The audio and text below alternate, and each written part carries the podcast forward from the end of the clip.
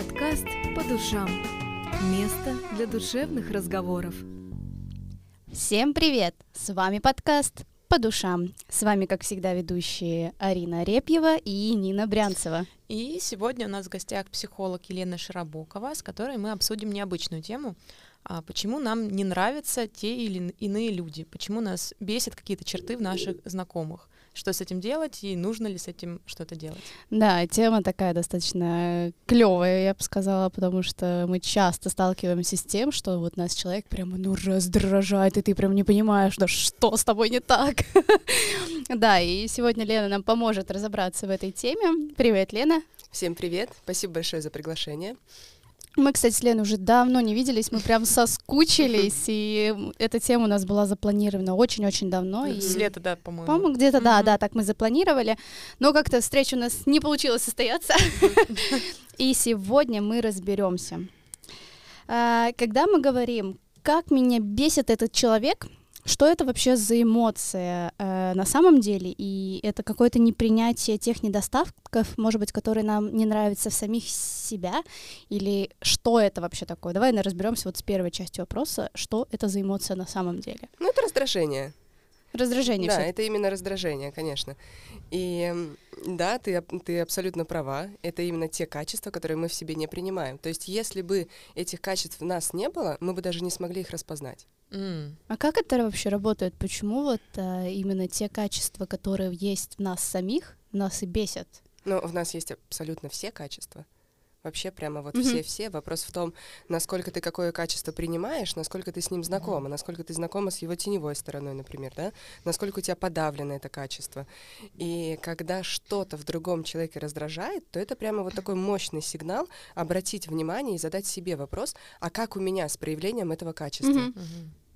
А может же такое быть, что ты видишь что-то в человеке, какую-то черту, которая тебя раздражает или бесит, на самом деле, может быть, ее и нет у этого человека, но ты ее все равно видишь, потому что, ну вот, у тебя фиксация какая-то есть. Потому что ты хочешь видеть это да, качество. Да, да, да, да. Ну да, на самом деле, вот если, например, мы возьмем двух людей, да, ну, троих, к примеру, и одного человека один, ну, другой, да, раздражает, mm-hmm. а второго нет. И он скажет, вообще этого даже не замечаю mm-hmm. в нем. То есть такое mm-hmm. тоже возможно. И это как раз-таки зависит от того, насколько вот у этих двоих, да, у кого mm-hmm. раздражает или не раздражает, насколько у них эти качества проявлены, насколько они с ними знакомы. Mm-hmm. То есть, например, вот кого-то раздражает громкий смех. Ну, когда mm-hmm. кто-то проявляется очень mm-hmm. громко. И частенько бывает такое, что либо вот этот человек, кого громкий смех раздражает, он себе запрещает эмоции громко так проявлять, mm-hmm. то есть запрещает себе быть на виду, привлекать mm-hmm. к себе внимание, может быть, он этого очень сильно боится. А может быть, еще и другая сторона, когда человек на самом деле это тоже делает, но даже этого не замечает. Mm-hmm. То есть, если у него спросить, а ты сам разве громко не смеешься? Он ответит, нет, конечно, ты что, я вообще тихо-тихо хихикаю. А, например, спросить его друзей, и друзья скажут, да, конечно, он ржет, как лошадь на всю улицу. Ага. Но чаще же всего происходит так, э, что нас раздражает вот самые близкие люди. То есть, э, что вот с этим делать? Окей, да, нас раздражает, допустим, какой-то знакомый, друг, а, не знаю, там просто какой-то встречный, прям выбесил. Ты как бы прошел, забыл и не вспоминаешь. А, но что сделать в том случае, когда это твой близкий человек? Mm-hmm. То есть, ну, ну и, скорее всего, у него будут те черты, которые есть у тебя. Да, ну, то есть... Да, потому что вы общаетесь близко, может быть, в тех же условиях росли. Ну, да, допустим, те же родители. Uh-huh. Uh-huh. То есть часто же бывает так, что дети и родители друг друга как будто бы, ну, вот, не могут принять, uh-huh. и они вот бесятся друг на друга из-за того, что они друг на друга вот похожи как раз-таки. Ну, как раз вот э, наши самые близкие люди, да, особенно, например, мужья, uh-huh. Э, это самые такие прямо самые мощные, самые сильные зеркала для нас. Uh-huh естественно, они будут прямо вот отражать наше внутреннее содержание очень сильно, наше внутреннее отношение к себе. И что делать, если близкие люди раздражают? Ну, задать себе вопрос, почему это происходит, какое именно качество и что за этим стоит. То есть, вот это не означает то, что если, например, если, например, один человек громко чавкает, а другого это раздражает, это не означает то, что тот человек, которого это раздражает, должен начать чавкать или должен принять в себе чавкающего человека. Ну, то есть не все настолько буквально, а именно вот посмотреть, а что за этим стоит. То есть вот задать вопрос, э, как ты думаешь, вот что стоит за, что стоит вот за позволением То есть вот какое качество позволяет человеку громко чавкать? То есть вот что за этим стоит, да? И это может быть, например, наслаждение. Человек позволяет себе наслаждаться Мгм. едой. Человек позволяет себе не скрывать свои эмоции, к примеру. Или, допустим, что человеку все равно вообще, кто о нем что думает, и он вот такой, как он есть, проявляет себя естественным. Мгм. Ну, например. И тогда, следовательно, вот тот человек, которого это раздражает, задать ему вопрос, а как у тебя с этим проявлением? Насколько ты проявляешь свои эмоции? Насколько ты э, умеешь наслаждаться и показывать свое наслаждение? Ну и так далее. Так. Хорошо, мы, допустим, разобрались, что стоит вот э, за этой, за этим фактором того, что тебя бесит, да? Мгм. А, мы нашли, попытались найти, допустим, ответ, потому что, мне кажется, это тоже не самая простая задача, что именно стоит за этим э, Мгм. фактором, что мы, какие, ну, дальнейшие наши действия, не знаю. Да, нужно ли бороться с этим чувством, как-то в себе подавлять его, может быть, э, Мгм. говорить себе нет, меня этот человек не бесит, все хорошо, как-то вот в себе это все блокировать. Мгм. Ну, Вот. подавлять точно не Мгм, надо, потому что все подавленные чувства, да, потом вылезут очень, очень так кривенько, знаете, вот как мячик из-под воды, который еще всех обрызгает вокруг. И поэтому подавлять, конечно же, не надо. И, например, перестать общаться с этими людьми, которые раздражают, это тоже частенько не сработает, потому что вот, как я уже сказала, да, все окружающие это зеркала, и если ты поменяешь зеркало напротив себя, ну, Мгм. будет другое зеркало, в Мгм. другой рамке, какое-нибудь другое красивое более зеркало, но отражение это будет то же самое. Мгм. И поэтому вот стоит как раз-таки внутри, ну, вот этот момент проработать и просто отпустить. Но это, конечно же, так теоретически, да, я Да-да-да-да. говорю, просто отпустить, это кажется очень легко. Но именно на самом деле это все упирается в самоценность. Вот все упирается в самоценность. Когда человек начинает узнавать себя с разных сторон и принимать все больше и больше своих качеств, своих теней, своих каких-то теневых сторон, да, то вот это раздражение, оно, ну не то чтобы сходит на нет, но оно прямо вот уменьшается, уменьшается, уменьшается.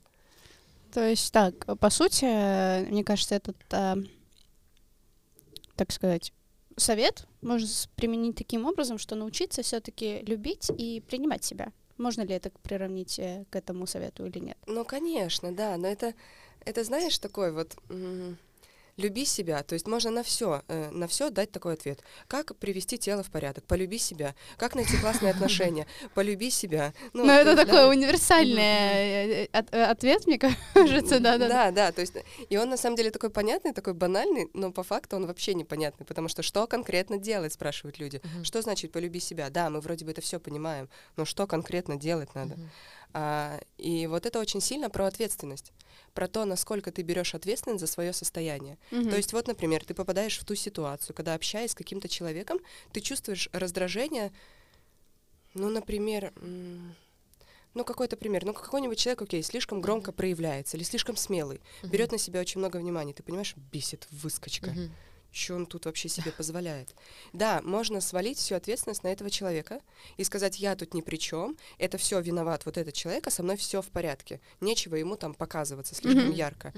И окей, но ты попадешь в другую ситуацию, где будет другой человек, но также будет раздражать. И вот как раз-таки любовь к себе, да, вот эта ответственность, это вот в этот момент понять то, что человек в этом не виноват. То, что ты испытываешь раздражение, это тебе просто какой-то некий сигнал на то, что либо какая-то часть тебя не принята, ты ее сам отвергаешь, э, либо, может быть, раздражение вообще накопилось, как подавленное, да, Мгм. гнев, подавленная агрессия, и тебе нужно с этим чувством поработать. Мгм. Вот это как раз-таки мой, наверное, следующий вопрос был, как понять а, вообще, что значит это сос- состояние для нас, э, повышенная раздражительность. Но бывает такое, что ты был нормальный, грубо говоря, Мгм. а потом вдруг что-то случается, и э, вокруг все тебе начинают говорить, что-то ты стала какой-то раздражительной, что-то ты какая-то злая стала. И ты сам понимаешь, что да, что-то произошло, действительно меня стало больше раздражать, бесить что-то вокруг. Мгм. А о чем это может быть, почему появилась эта повышенная раздражительность, какие факторы могли на это повлиять, может быть, Мгм. Внешние? Ну, это, конечно же, стресс, да, общая усталость, там, то, что человек не выспался, в общем, много-много. Но самое такое, на что стоит обратить внимание, это насколько, вот, э, насколько человек умеет проживать эмоции и чувства, и насколько он их подавляет. Потому что если же опять, вот, да, человек будет сталкиваться вот с этой ситуацией раздражения, когда кто-то бесит, и постоянно это чувство подавлять, то, естественно, подавленных эмоций и чувств станет очень много. И они будут рваться наружу вот так вот, именно вот легкой раздражительностью. То есть вроде бы ничего не случилось, а человек прямо взрывается. И начинает, ну, все начинает подбешивать. Такое, Мгм. И что с этим делать? Конечно же, ну, первое, это осознать, что это, да, это не твоя вина, не надо за это испытывать вину, но это твоя ответственность, тебе Мгм. с этим работать. И, конечно же, вот посмотреть вглубь себя, а что вообще это вызвало, а как давно у меня это состояние, что я могу с этим сделать.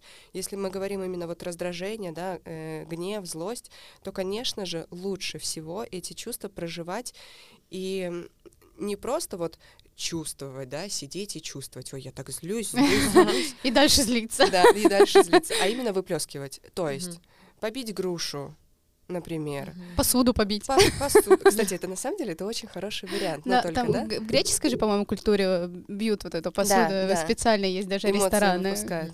А так это на самом деле очень хороший вариант. Взять какую-нибудь посуду, которая со сколами, да, ну- да например, которую Мгм, ты выбросить мгм. хочешь. Взять ну, безопасный ящик побольше, уехать в лес куда-нибудь и начать калашматить эту посуду. Но вот здесь тоже ключевой момент, что если ты чувствуешь, что много подавленных эмоций, просто так пойти в зал и начать дубасить грушу, это может не помочь, потому что ты должен вот в этот момент, когда ты бьешь грушу или там бьешь Мгм. посуду, ты должен поднять это чувство злости и прямо вот от него освобождаться. Вот это очень Мгм. важно. Что просто так ни с того ни с сего Мгм. начать там, да, по кайфу смеяться, бить посуду и смеяться. Ха-ха, как это весело. А надо именно вот эту эмоцию проживать. Ну да, кстати, у меня некоторые знакомые так это отзывались немножко презрительно в, этих всех краш-комнатах, типа ты приходишь, ну и чё, ну и побил я эту посуду, ну и в Просто принципе ничего, да, ничего не изменилось. Это надо идти именно в тот момент, когда уже Мгм. все, вот ты на пике. У нас, кстати, в Таллине тоже есть такая Да, комната. да, и в Тарту, по-моему, тоже. У нас, кстати, в универе э, надо было писать проект, и мы вот с девчонками, бизнес-проект надо было Мгм. писать, и у нас с девчонками как раз-таки пришла эта идея в голову, Мгм. что мы вот хотели открывать эту комнату, она уже открылась. Да, потому что на самом деле в нынешних условиях а, люди, да, не, не знают, как избавляться от стресса и от вот этих вот эмоций, потому что на работе, ну, Мгм. ты же не будешь Мгм. на работе. После работы ты приходишь домой, ну ты же не будешь на мужа, Ну да, да, там да, на детях это все Мгм. выплескивать. И мы каждый раз, получается, так, ну, зарываемся в этих эмоциях и подавляем их, да, то, о чем мы говорим, что Мгм, потом нас да. начинают раздражать такие же люди, как и мы, которые, по сути, ну, одинаковые с мгм. нами. Мгм. И э, да, вот такие вот места, э, мне кажется, они прям помогают. Мгм. У меня, помню, даже у самой была какая-то вот тоже ситуация, меня прям все бесило, я устала. У меня в голове б- была мысля, вот была бы сейчас какая-нибудь раздолбанная машина здесь, была бы мне в руке бита, и я бы ее сейчас так колошматила. Я прям представила, но в тот момент не было никакой разбитой машины, никакой биты. Эх, Пошла Блин. танцевать. ну тоже, по-моему, вариант. Тоже Да, очень хорошо. Через да. тело именно тоже очень Да, хорошо. да, Но да, именно вот э, когда ты вот это делаешь, да, совершаешь это действие, важно с этим чувством ассоциироваться. То есть именно важно Мгм. не просто, потому что когда ты на пике, тебе может ничего под руку не попасться, Мгм. и хоп, опять подавило, например. Мгм. А именно вот ты понимаешь, что, окей, в лес проораться, но вспомни ситуацию, которая тебя выбесила, вспомни, вспомни вот это чувство, и начни его чувствовать, то есть ассоциируйся с ним, и тогда уже начинай его проживать. Еще, кстати, такой важный момент про, вот я сказала про выскочек, вот если, например, вас раздражает какой-то человек, то, скорее всего, вот тебе туда надо идти, туда Мгм. надо посмотреть. Вот раздражает выскочка, ну стань выскочкой. Ну, Позволь себе быть громким, позволь себе вот э, внимание привлекать ну, людей, да? Мгм. Если, например, раздражает человек, который выпендривается чем-то, ну, неважно чем, Мгм. своими успехами или там, не знаю, своей жизнью, ну, задай себе вот по-честному вопрос. Мгм. А тебе бы самому не хотелось выпендриваться? Выпендриваться же тоже такое очень относительно, да? Для кого-то. Ну, выпендриваться, это для да, и вообще мы- мелочь. Э, На самом деле, мне кажется, это тоже такое а, осуж- ош- ос- Точнее, люди часто окружение осуждают вот это вот выпендриваться. На самом деле, это, мне кажется, такая часть самовыражения. Да, классная часть да? вообще. Да. То есть, если кого-то бесит, что кто-то другой выпендривается, ну, например, чем? Ну, приведите какой-нибудь пример. Но в Инстаграме э, личная жизнь, ну, то есть в плане не... Ну, купил что-нибудь дорогое, машину выставил в Да, Инстаграм, все да, такие, да, да. блин, понятно. Муж Вот, подарил, да. там, не знаю, дюсон. Я его называю дюсон. Ну, вот, скорее всего, та девушка, которая на другую думает, о, ей подарили этот дюсон, вот она выпендривается, она сама этот дюсон, скорее всего, хочет. Да. И хочет, чтобы ей его подарили. Мгм. Просто у нее этого нет, и поэтому она начинает обесценивать, то есть э, заслугу, да, или вот действие другого человека для того, чтобы себе стало комфортнее. Мгм. Потому что, а, это все ерунда. Да-да-да. Кстати, по поводу еще выплеска эмоций, я тут э, видела видео тоже какого-то психолога.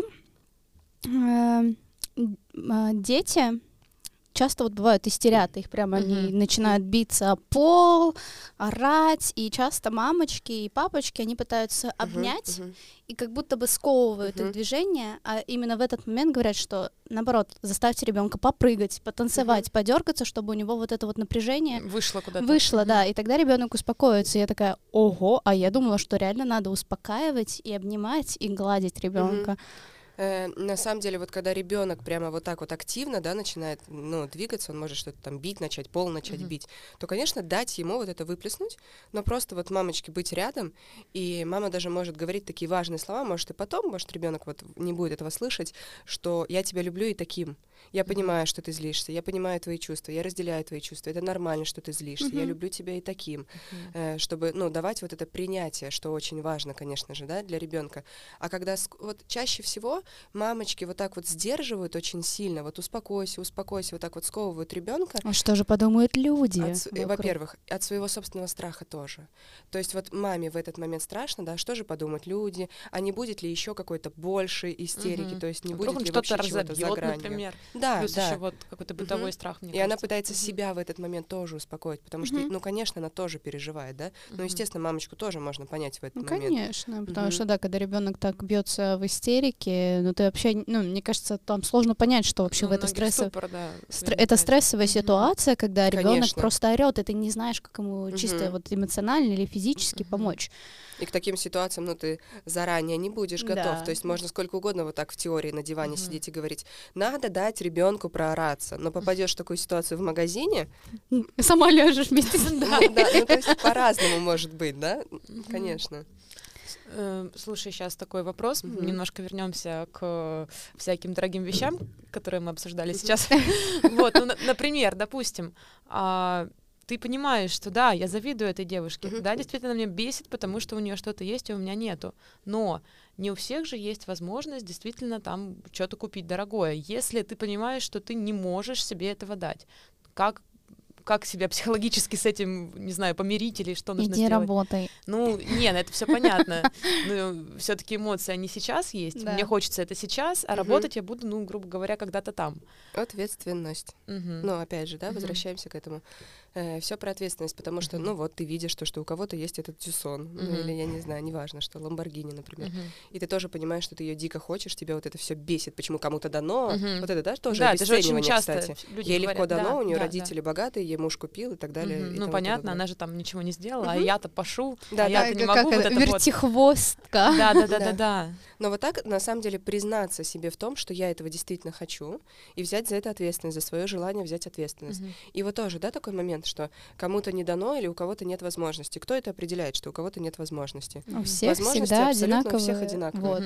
Ну, Я с этим и согласна. поэтому, опять же, да, все про ответственность и про вот это уважение к себе. Хочешь, действуй. Ну да, возможно, не сразу, да, может быть, не Мгм. сегодня, но все-таки ты будешь к этому двигаться. Ну да, окей, не дюсон ты купишь сегодня, но какой-нибудь, ну, допустим, тот фен или ту плойку, которую ты можешь себе позволить, Мгм. но она Мгм. уже будет лучше той твоей вчерашней. Мгм. И потом дальше вот так вот поднимать свой уровень и поднимать. Да, либо Мгм. построить какой-то план, что, вот, допустим, сегодня в этом месяце я отложу столько-то, столько-то, Мгм. столько-то. То есть вот- конкретные действия, которые... Да, В да. конечном Или, счете, да. например, Мгм. посмотреть вообще вот по-честному задать себе вопрос, эм, как я могу на это заработать? Мгм. Ну, к примеру, если это, ну ладно, ты там на Ламборгини, может быть, не заработаешь за сутки. Да и за двое, наверное, тоже. Ну да. Ну, допустим, какое-то желание, вот ты берешь и задаешь себе вопрос, как я, вот смотри, ну вот, кстати, часто вот такое бывает.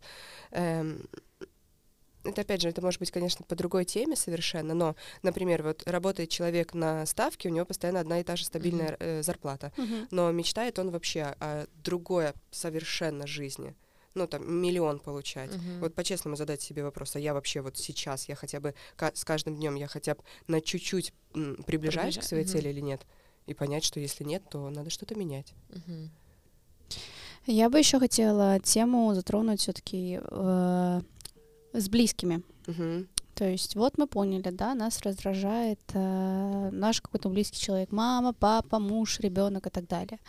То есть это самый близкий наш круг, от которых ты ну просто так не отвернешься, потому что ты все-таки любишь их, этих людей, и как бы там не было какой-то Мгм. драмы в отношениях или еще, ну просто вот тебя какой-то фактор бесит.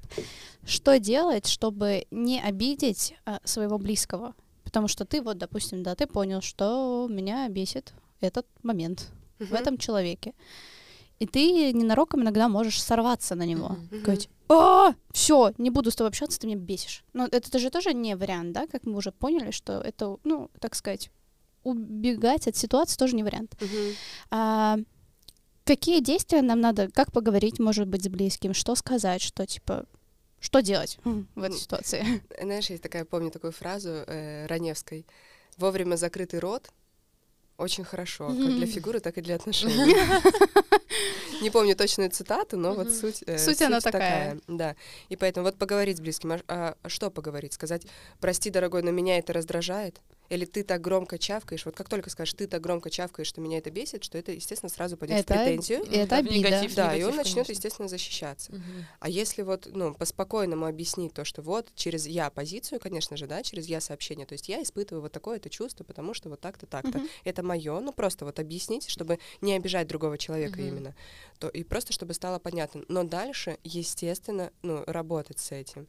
То есть вот, вот все, что вас раздражает в ваших близких, особенно в ваших родителях, особенно в мужьях, вот выпишите себе по пунктам. Мгм. Ну, и потом просто вот это ваше. Вот все, что вы хотите изменить в ваших родителях, в ваших мужьях, вот свой совет себе посоветуйте, как говорится. То есть вот присмотритесь и задайте себе вопрос главный, а что у меня с этим? То есть вот что, и особенно вот про родителей, что родители все-таки они, ну, они всегда выше нас, они всегда Мгм. больше нас, они те люди, которые дали нам жизнь. Мгм. И если нас что-то бесит в наших родителях, то это нами же не принятое что-то. И когда, например, мы видим, ну, в нашей маме, допустим, или там в папе видим какую-то нереализованность, несостоятельность, например, там нереализованность как женщина, например, в маме, то женщина тем самым себе блокирует возможность полностью раскрыть вот эту свою женственность. Мгм. Вот это тоже очень важно. И здесь именно вот работать над собой. То есть если понимаешь, что, что вот бесит это, вот не могу, но можешь спрятаться от родителей, можешь их обвинить в этом, можешь вот все меньше и меньше с ними общаться, а можешь все-таки раскрыть и понять причину, почему меня это бесит. Почему? Да, можно, вот с одной стороны кажется, да зачем это делать, зачем в себе копать, да, но бесит кто-то и бесит, перестань с ним общаться. Мгм. Но ты же будешь продолжать испытывать раздражение из-за этого. А раздражение это, ну, это очень сильная эмоция, да, сильное чувство, которое будет жрать твою энергию. И вот испытывая раздражение, ты уже не сможешь м, действовать вот на самом деле так, как тебе бы действительно хотелось. Ты будешь уже управляема этим чувством. Мгм. Ну да, и в целом, мне кажется, от того, что ты спрячешься, легче не станет. Мгм. Конечно. Потому что тебя уже так, после того, как ты отвернешься, будет э, глушить чувство вины какое-нибудь за то, что Ну, ты конечно. перестал общаться э, со своими близкими. Мгм, И они в этом не виноваты, по факту. Да, да. Да. Э, у меня с мамой как-то тоже состоялся разговор, что что-то меня... Какая-то черта, я не помню уже, э, прям бесила конкретно. И я маме сказала, мы договорились с ней, прям у меня с ней был договор, э, что, мамочка, я тебя очень сильно люблю, дело не в тебе, дело в том, как я на это реагирую. Ну, то есть я прям начала с этого разговора, но Мгм. типа мне вот это вот, ну, не нравится. Давай мы не будем Мгм. вот как бы затрагивать либо эту тему, либо еще что-то. Мгм. И, и она меня услышала. То Мгм. есть э, она тоже на меня не обиделась. То есть раньше, если я выстраивала с ней разговор, э, будь я помоложе, да, когда Мгм. Я такая, я прям бесилась, и мама обижалась. Она говорит, ну ты почему так? И я потом начала думать, а а я реально же таким образом, ну, ее обижала, потому что я говорила, что ты, типа, что-то делаешь не так. Да. И потом я пересмотрела свою позицию и начала с ней говорить о том, что я тебя очень сильно люблю, дело не в тебе, дело не в том, какая ты, а дело в том, как я на это реагирую. Мгм. И я увидела совсем другую реакцию от мамы, что она меня услышала, она такая, ага, я тебя услышала, я тебя поняла, и больше таких ситуаций, Мгм. допустим, ну, не Да, повторяется. да. мгм. И это такой классный прием, который, ну, действительно работает, если вы спокойно говорите э, с друг другом и прям, ну, работает реально на деле. Да, вот это как раз и есть то, про что я сказала, вот через я сообщение, то есть говорить именно о своих чувствах. И еще, кстати, тоже важный момент такой, вот, например, родители, да, возьмем. Мгм. Эм, ну, бывает такое, что родители, например, очень сильно любят навязывать свое мнение или вот давать советы, да, вот как Да, да, надо да, да, жить, да. как надо воспитывать детей, как Мгм. надо общаться с мужем, как надо убирать квартиру и так далее и тому подобное. Естественно, родители это, это хотят только из любви. То есть, конечно, они хотят своему ребенку только самого лучшего и делают вот так, как они умеют. Мгм. То есть, тем самым они показывают свою любовь.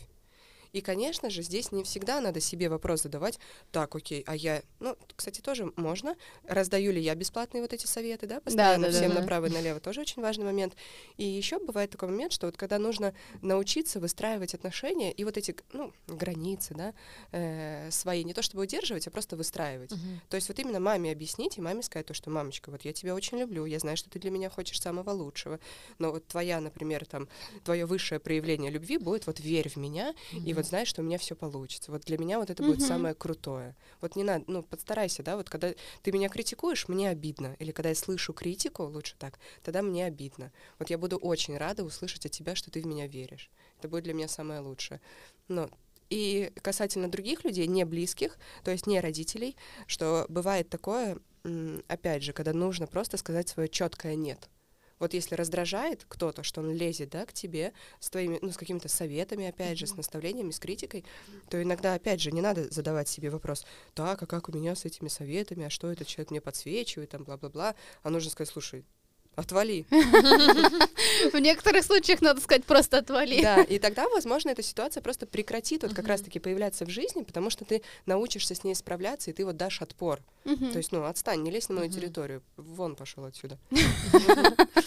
Слушай, теперь еще такой момент, может быть, немножко с обратной стороны посмотреть на эту ситуацию. Если ты понимаешь, что ты стал для кого-то этим вот фактором раздражающим, если ты понимаешь, что ты бесишь какого-то человека, Мгм. что тебе нужно, нужно ли что-то менять в себе, опять же, либо ты игнорируешь это просто, может поговорить с человеком, может что-то. Мгм. если человек не спрашивает, Мгм. то не надо ничего, не надо вот Мгм. лезть с этими советами, да, бесплатными, непрошенными. Это Мгм, вообще, мгм. это такое, как, э, ну, ставишь человека в позицию должника. Мгм. И Ну, говорить, типа, я заметил, что я тебя раздражаю, что происходит, это тоже не стоит. можно Мгм. сказать, что происходит, да. То М, есть вот я заметила, что наши отношения как-то изменились. Я чувствую, что, Мгм. э, что я тебя, например, вот раздражаю. То есть вот задать вопрос это можно. Мгм. Но говорить, что, слушай, я вот увидел, что я тебя раздражаю, тебе нужно посмотреть вот в эту М. ситуацию. Ну, так не надо. А задать Мгм. вопрос, именно подойти вот так мягко, так, конечно же, можно. И, но если, например, вот ты не хочешь об этом говорить, ну, к примеру, да, Мгм. и, но ты чувствуешь, что ты какого-то человека раздражаешь, ну, подсветила что-то. То есть вот через тебя, возможно, этот человек как раз-таки что-то в себе увидит. Мгм. Вот он, например, там, ты его бесишь, я не знаю, своей улыбкой открытой, тем, что ты как солнышко светишься. Мгм. Но, возможно, этот человек вот дойдет до того, что ему тоже хочется как солнышко светиться. Мгм. Или вот эту доброту в себе раскрыть.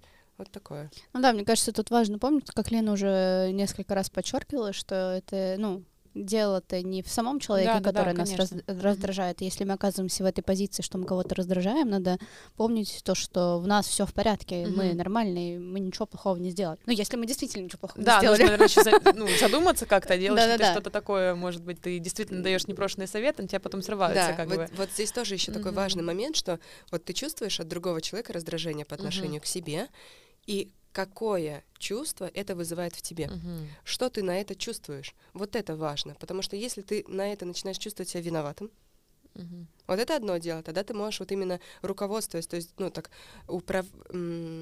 быть под управлением, так скажем, да, и, э, Мгм. вот чувство вины, ты можешь пойти э, спасать этого человека. Мгм. Ну, например. То есть вот что-то, лишь бы избавиться от этого чувства вины. То есть себе тоже задать вопрос, а вот мне-то что? Вот его я раздражаю, а как я на это реагирую? Вот что мне от этого? Я чувствую себя виноватым, мне за это стыдно, мне хочется оправдаться, то есть мне хочется вот загладить что-то перед ним, вот, вот Мгм. это важно. Или просто вот я действительно из любви, из открытого сердца, из Мгм. желания помочь человеку или из желания сохранить наши с ним отношения и Мгм. вы- вывести их на более, ну, классно открытый уровень, Мгм. вот пойду с ним разговаривать. Вот это тоже важно понять. Мгм.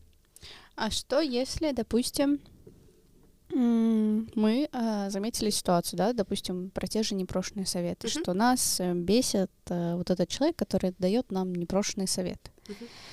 А, но начинаем анализировать, а что, если я сама даю какие-то непрошенные советы? Мгм. Проанализировала и поняла, что за собой таких ситуаций ну, не замечали, да, да, никогда не было такого. Мгм. Что в этом случае? Может ли вообще возникнуть такая ситуация, что нас бесит человек, который, ну, на нас не похож? Мгм. Или это все-таки работает только в одном направлении, что, скорее всего, нас раздражает именно то, что есть в нас самих? Нас всегда раздражает то, что есть в нас самих, потому что в нас есть абсолютно все. Ага. Э, когда мы какое-то качество в себе отрицаем, то вот смотрите, есть же качество, да, а есть проявление этого качества. Мгм. Вот, допустим, есть, ну вот человек э, раздает советы, но, например, раздавать советы, это же может быть еще и под каким-то другим соусом.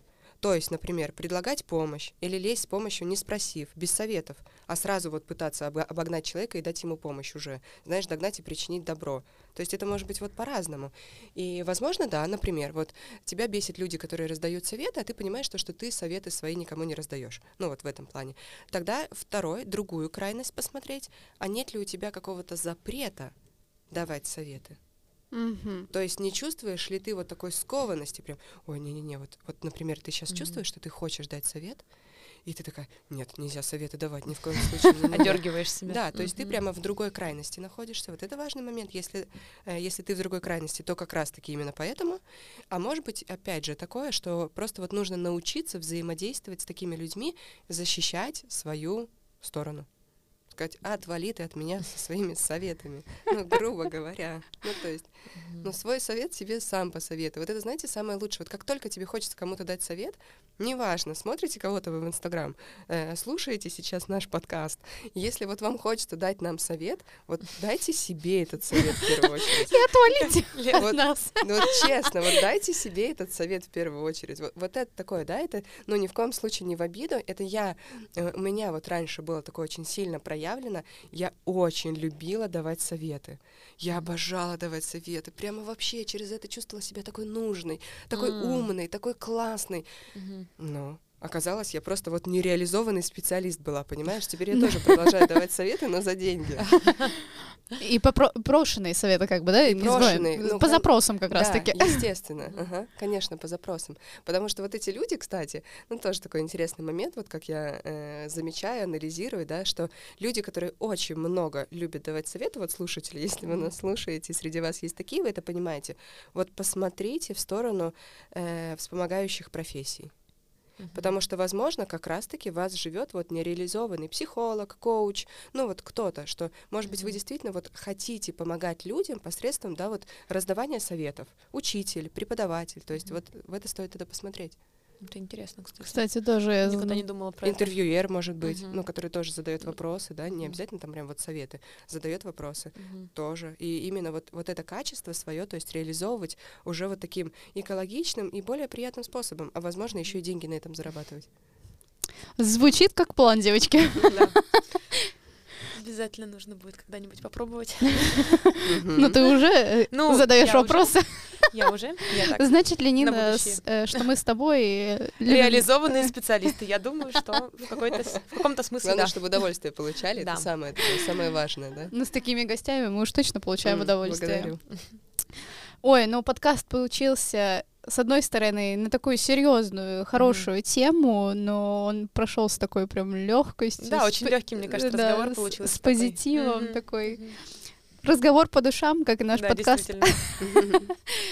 С вами был подкаст «По душам». Э, В нашей студии в гостях у нас э, была великолепный психолог Елена Широбокова.